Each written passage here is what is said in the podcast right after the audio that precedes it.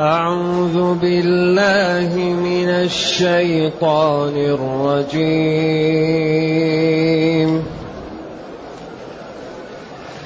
بسم الله الرحمن الرحيم.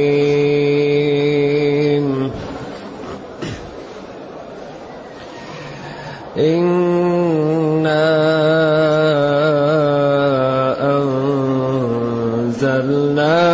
في ليلة القدر. وما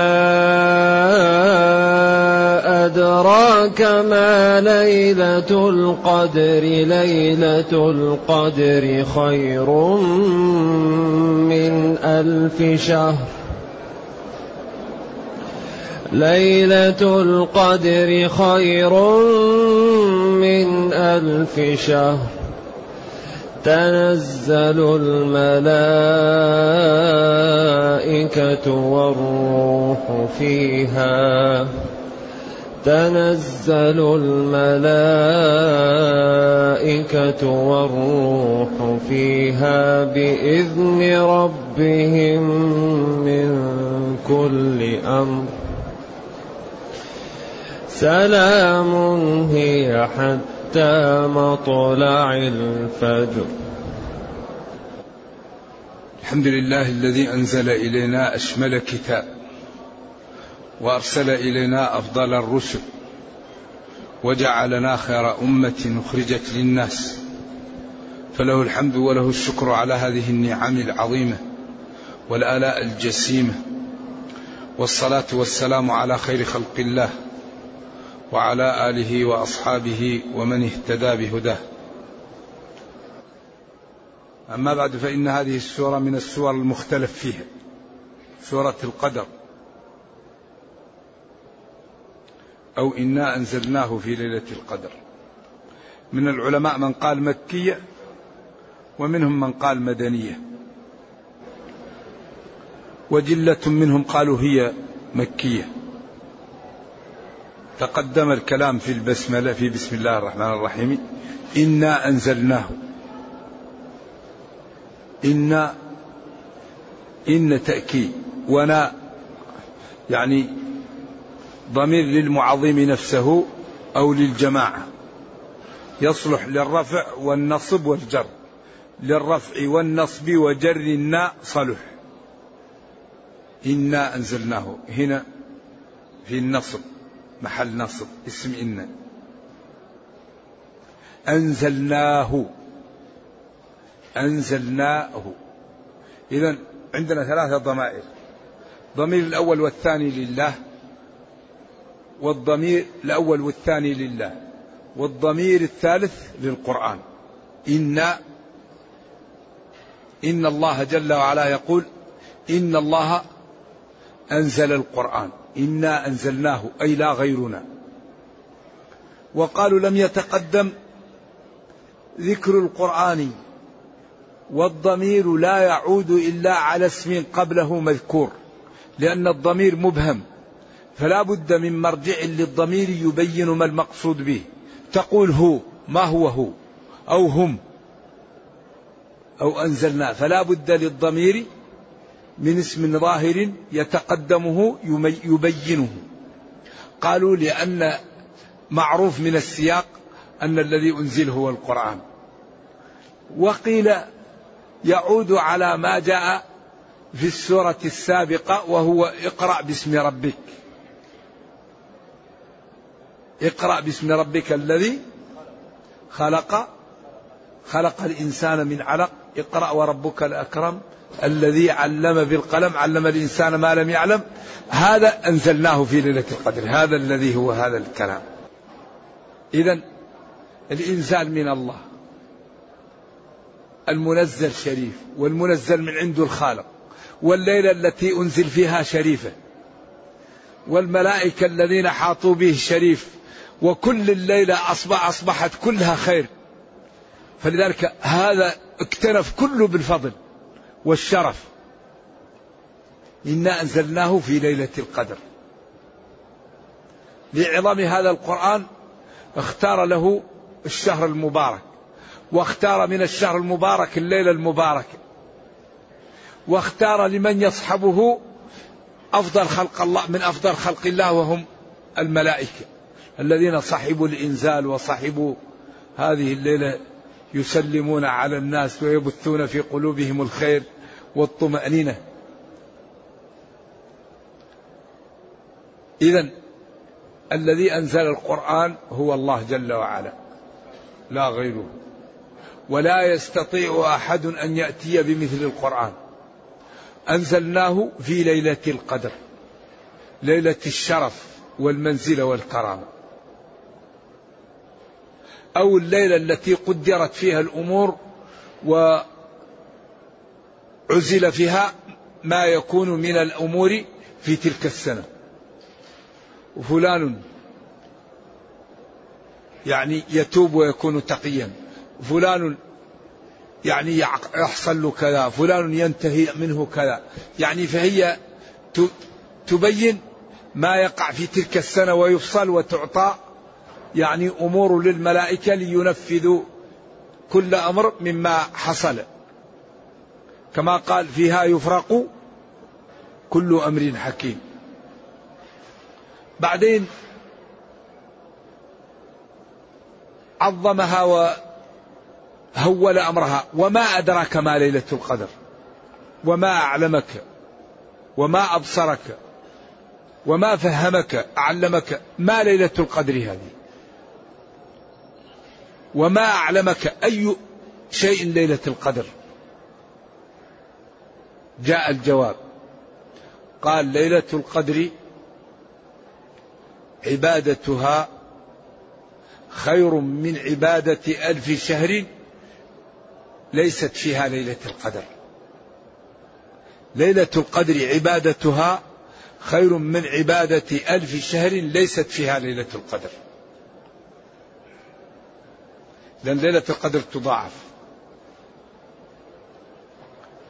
والله تعالى اختار لهذا القرآن الشهر الذي نزل فيه شهر رمضان. يقال له شهر القرآن. والليلة التي نزل فيها يقال لها ليلة القدر. وجعل هذه الليلة التي نزل فيها القرآن بدايته أو كله على الخلاف الوارد عن السلف ولم يثبت في ذلك شيء حسب علمي.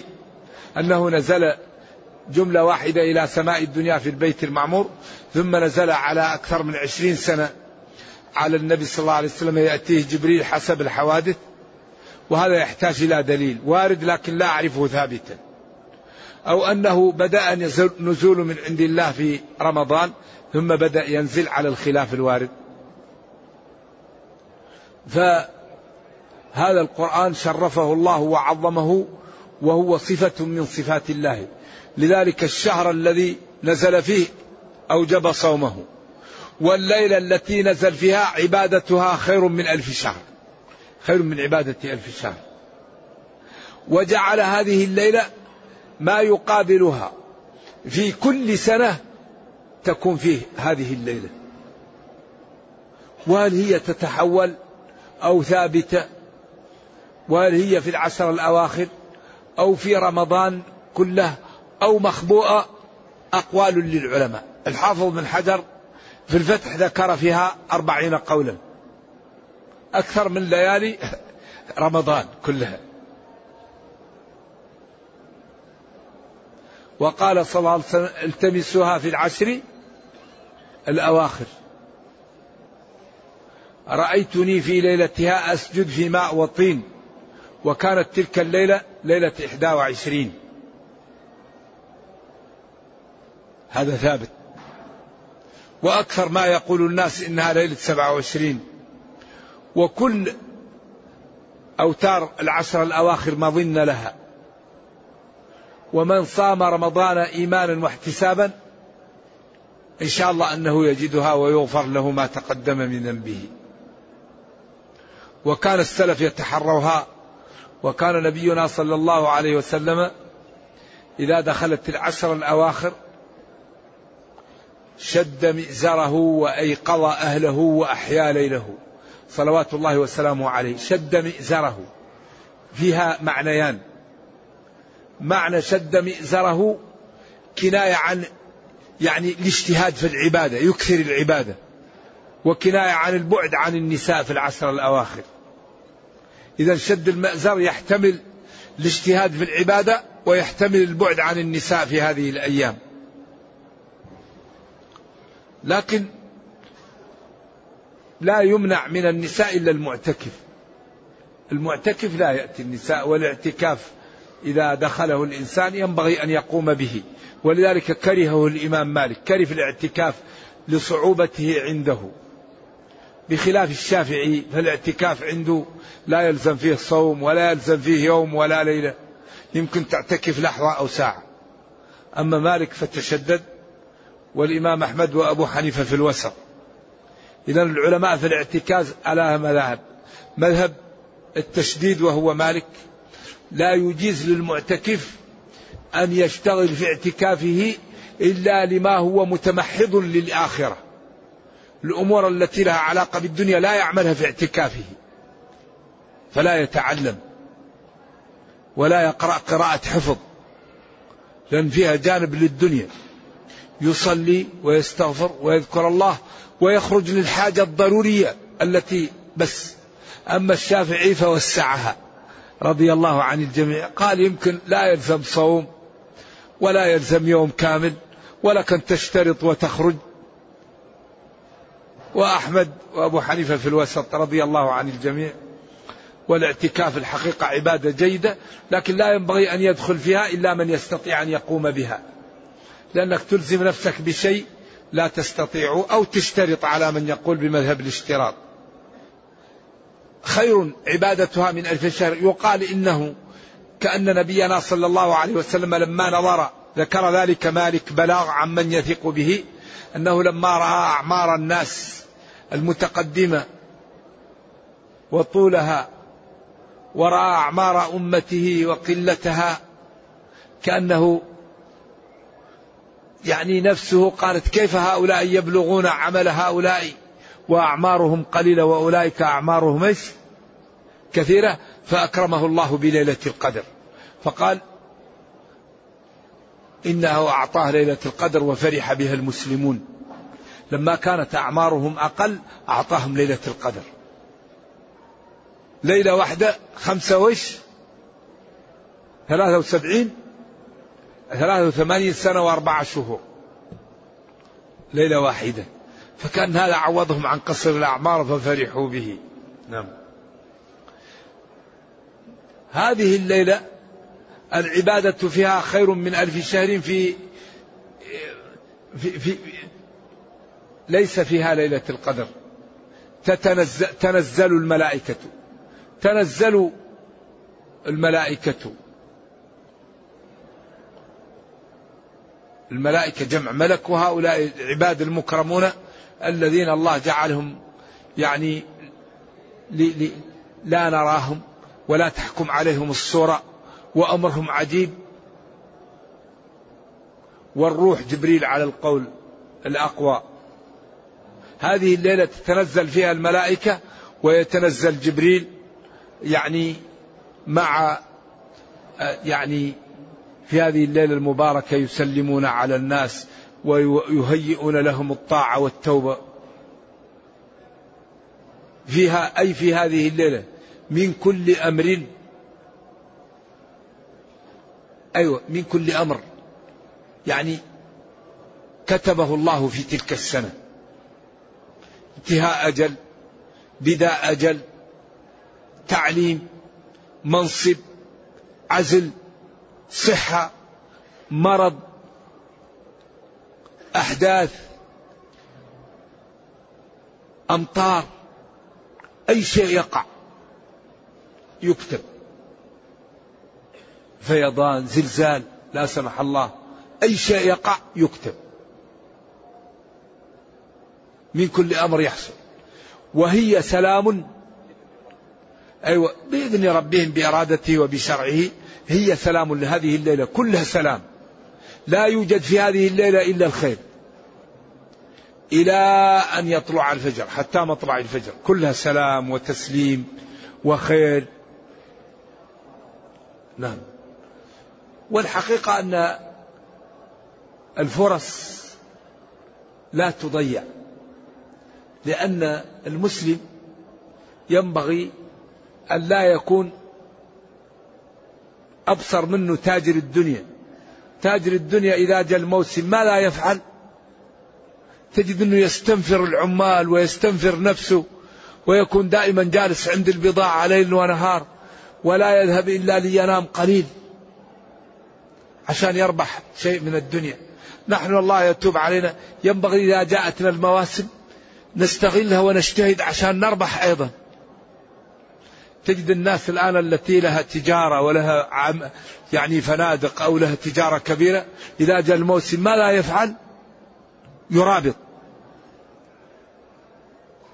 طيب إذا جاء للمتقين رمضان أو جاء الحج أو جاء العشر الأواخر من رمضان أو جاء العشر الأولى من ذي الحجة أو جاءت أشهر الحج أشهر الحرم ينبغي أن نكون عندنا اجتهاد حتى نربح.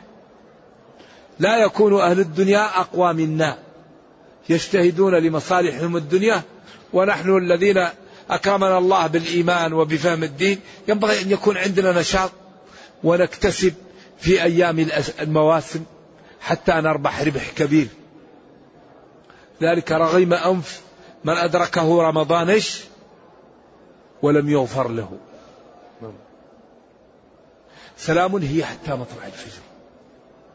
إذا هذه نعمة أعطاها الله لهذه الأمة وهي ليلة القدر. فينبغي أن كل واحد منا يجتهد ليصيبها. نعم.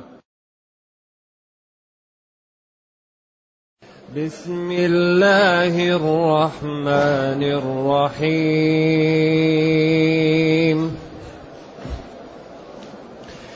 لم يكن الذين كفروا من أهل الكتاب والمشركين منفكين حتى تأتيهم البينة. رسول من الله يتلو صحفا مطهرة.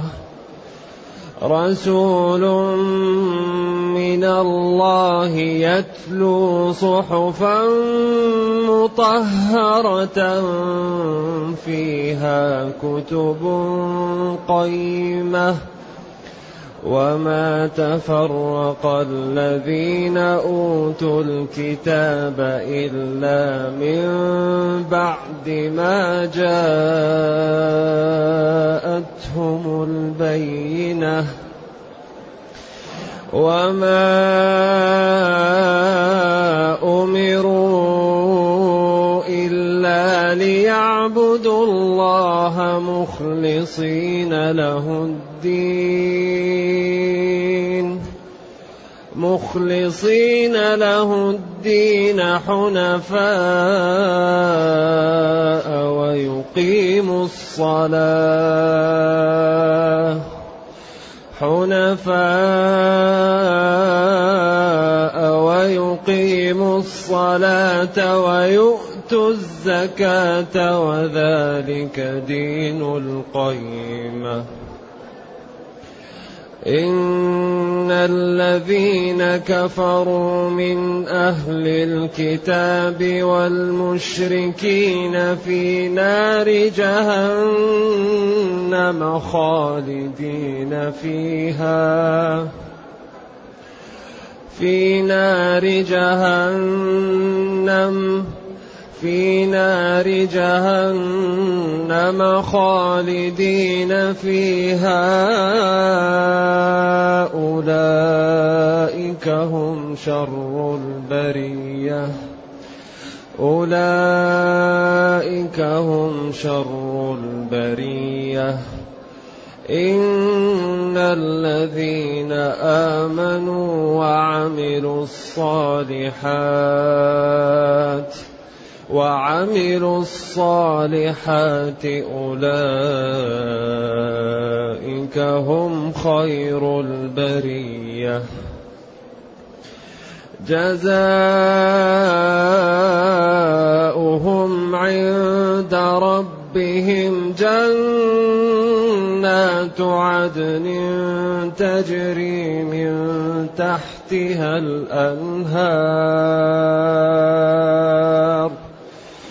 جنات عدن تجري من تحتها الأنهار خالدين فيها خالدين فيها أبدا خالدين فيها أبدا. رضي الله عنهم رضي الله عنهم ورضوا عنه ذلك لمن خشي ربه ثم يقول جل وعلا بعد بسم الله الرحمن الرحيم لم يكن الذين كفروا من أهل الكتاب والمشركين منفكين حتى تأتيهم البينة. اختلفوا في هذه السورة أيضا فكثير قال مدنية وكثير قال هي مكية. وكلا السورتين بعضها يشبه المكي وبعضها يشبه المدني. فقوله من أهل الكتاب يعني الكلام عن أهل الكتاب في الغالب يكون في المدينة والمشركين الكلام عنها في الغالب يكون في ماذا في مكة فهي كأنها مختلطة لذلك اختلفوا فيها أيضا. ولها ستة أسماء ذكرها السيوطي في الإتقان. والمشركين منفكين أي تاركين أو مبعدين عما هم عليه من الأخطاء حتى تأتيهم البينة الحجة والبيان. وتلك البينة هي مبدل منها رسول من الله. محمد صلى الله عليه وسلم. يتلو يقرأ صحفا. أيوة. صحف الصحيفة تقال لماذا تقال للكتاب للورق. صحيفة. هذه الورقة مكتوب فيها كلام قيم وهو كلام الله. فيها صحف مطهرة. هذه الصحف مطهرة من الأنجاس ومن أن يكون فيها كذب أو غش أو ظلم أو اعتداء ومطهرة من أن ينالها غير المطهرين فمطهرة حسا ومعنويا فمطهرة من الأمور التي تكون ظلم الظلم نجاسة والكذب نجاسة والاعتداء نجاسة ومطهرة أيضا من أن يمسها غير المطهرين وهم الملائكة أو المسلمون أو المتوضئون. ثلاثة أقوال. أيوة. يتلو هذا النبي صلى الله عليه وسلم هذه الصحف المطهرة في هذه الصحف مكتوب كتب قيمة. يعني لها قيمة ولها معنى ولها شرف ولها منزلة. وما تفرق الذين أوتوا الكتاب وهم اليهود والنصارى إلا من بعد ما جاءتهم البينة بعد ما جاءهم محمد صلى الله عليه وسلم وجاءهم عيسى وجاءتهم الرسل ووضحت لهم الحق عند ذلك تفرقوا.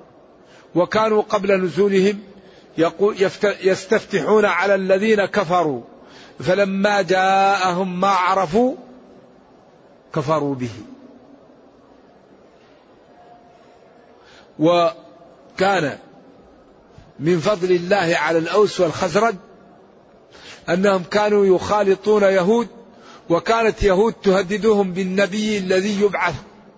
قال لقد أضل زمن نبي الخاتم وإذا بعث سنتبعه ونوقع بكم.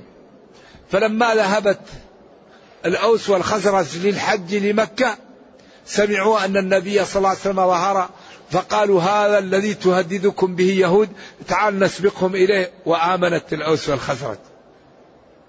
فلما كان النبي من العرب صلى الله عليه وسلم شرقت يهود بذلك وكذبوا به.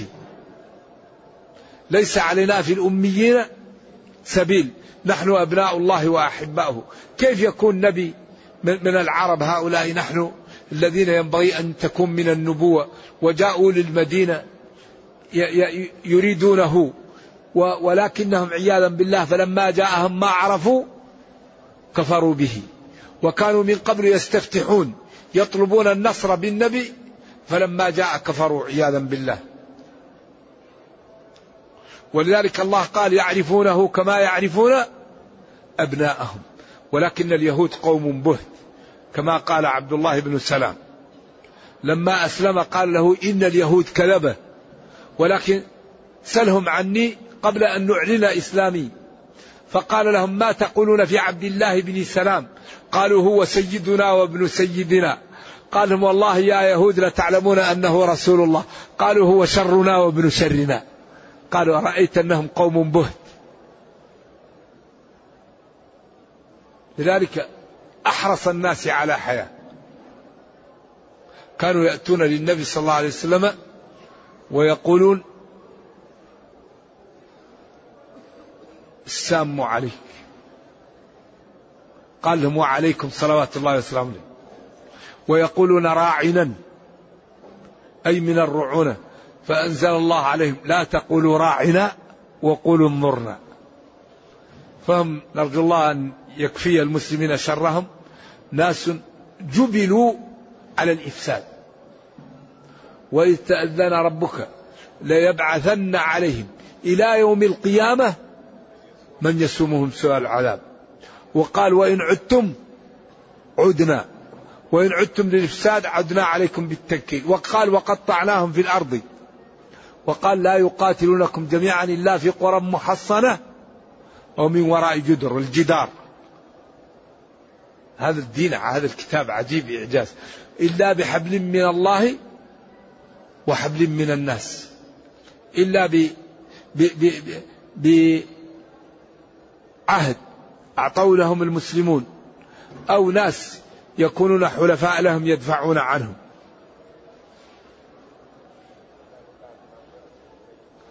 إذا هؤلاء ما تفرقوا وما تركوا الحق إلا بعد أن جاءتهم الأدلة والبراهين والحجج وتركوه عن علم وذلك هو الذي جعل الله جل وعلا يغضب عليهم.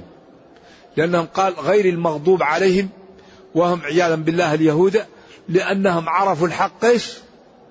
وتركوه. بخلاف النصارى فإنهم ضلوا عن الحق. ما فهموه عياذا بالله.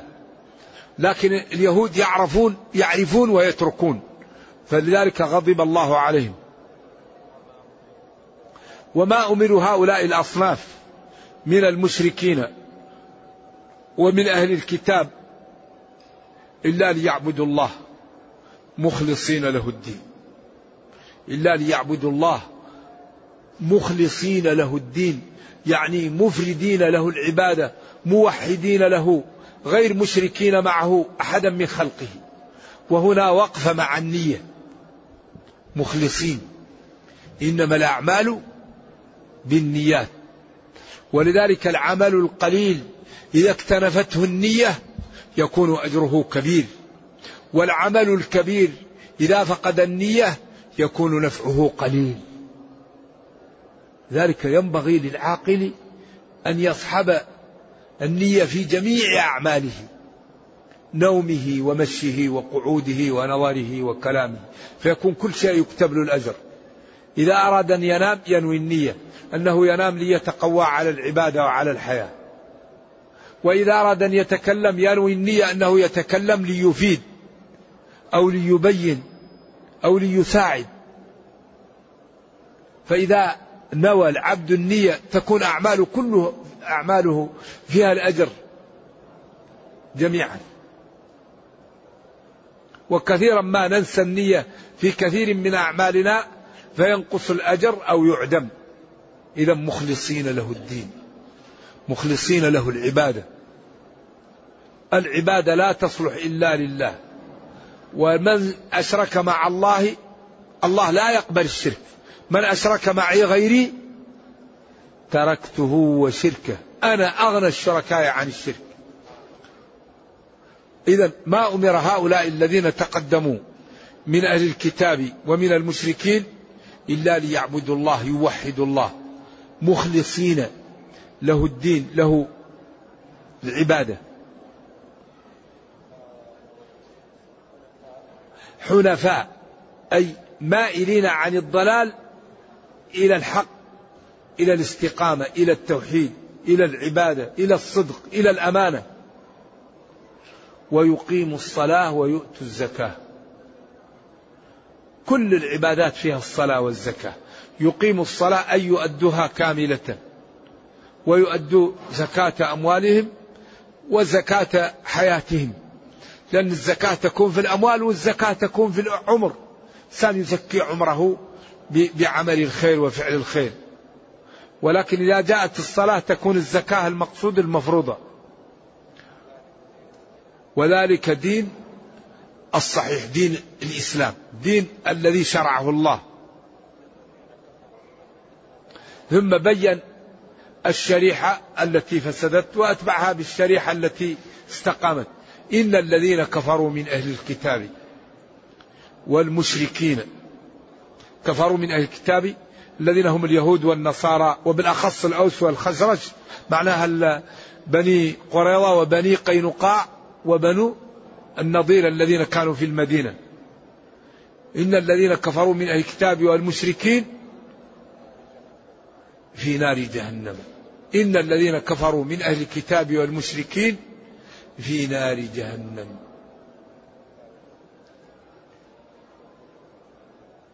إن الذين كفروا من أهل الكتاب.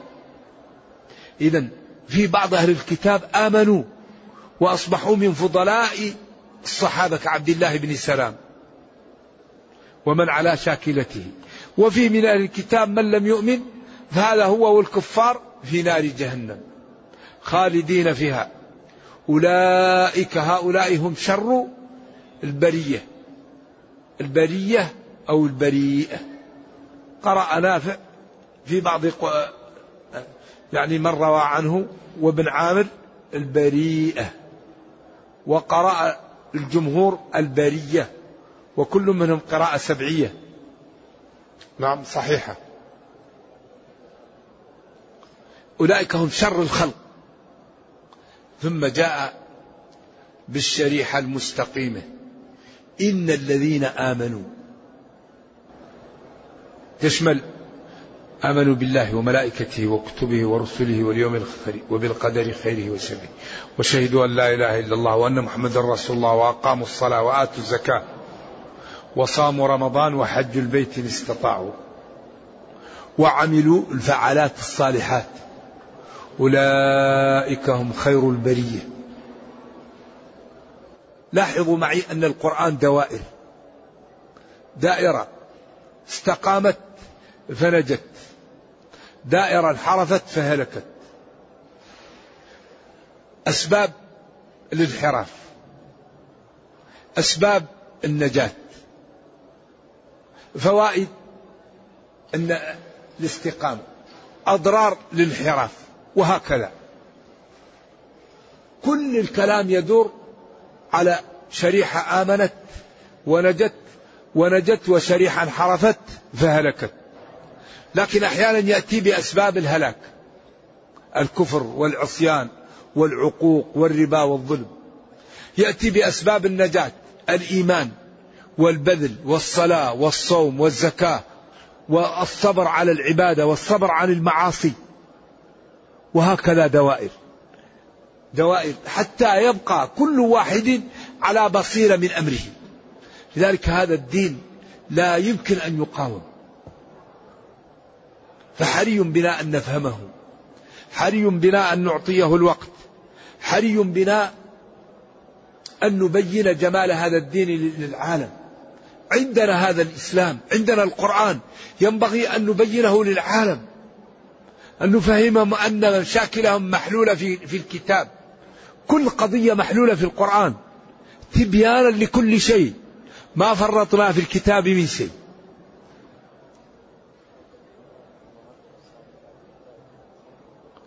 إذا هؤلاء الذين آمنوا وعملوا الصالحات خير البرية. لأنهم يساعدون اليتيم. يساعدون الفقير. يكرمون جيرانهم. يبرون بوالديهم. يتغاضون عن زلات إخوانهم. يصومون يصلون يزكون. يغضون أبصارهم عن الحرام يكفون ألسنتهم عن الحرام. يبذلون ما أوقاتهم وجاههم وأموالهم للإسلام والمسلمين. فهم خير البرية. إذا ما داموا خير البرية ما ما مكافأتهم ما أجرتهم. جزاؤهم عند ربهم جنات عدن. جنات جمع جنة عدن ساكنون فيها لا يخرجون منها. تجري من تحت مساكنها الأنهار. لا يخرجون منها خالدين فيها أبدا. بعدين رضي ربهم عنهم بما أتعبوا به أنفسهم في الدنيا قبل أن يموتوا. تتجافى جنوبهم عن المضاجع. يدعون ربهم خوفا وطمعا ومما رزقناهم ينفقون. فلا تعلم نفس ما أخفي لهم من قرة أعين جزاء بما كانوا يعملون. يتركون النوم لأجل مرضاة الله. يتركون الراحة. يقدمون محاب الله على محابهم. ينفرون مما يسخط الله ولو كانوا يحبونه. رغبة فيما عند الله يوم القيامة للمتقين وخوفا مما أعد الله يوم القيامة للمجرمين. هؤلاء جزاهم عند ربهم جنات عدن. تجري من تحت مساكنها الأنهار خالدين فيها لا يخرجون منها أبدا. رضي الله عنهم بأنهم أطاعوه وبذلوا ما يستطيعون في مرضاته ورضوا عنه بما أعطاهم من النعم والكرامات والمنازل العالية. ذلك الذي ذكر من الفوز ومن الكرامة لمن خشي ربه في الدنيا لمن خاف الله في الدنيا وأطاعه. ولذلك هذا ثقة للجملة الجمل الأخيرة مليئة جدا. ذلك لمن خشي ربه أي خافه وتوقى محارمه ورغب في طاعته ومحابه. نرجو الله جل وعلا أن يرينا الحق حقا ويرزقنا اتباعه وأن يرينا الباطل باطلا ويرزقنا اجتنابه وأن لا يجعل الأمر ملتبسا علينا فنضل. اللهم ربنا أتنا في الدنيا حسنة وفي الآخرة حسنة وقنا عذاب النار. اللهم اختم بالسعادة آجالنا وقرم بالعافية غدونا وآصالنا واجعل إلى جنتك مصيرنا ومآلنا. سبحان ربك رب العزة عما يصفون. سلام على المرسلين والحمد لله رب العالمين. وصلى الله وسلم وبارك على نبينا محمد وعلى آله وصحبه. والسلام عليكم ورحمة الله وبركاته. درس إن شاء الله يوم السبت مساء.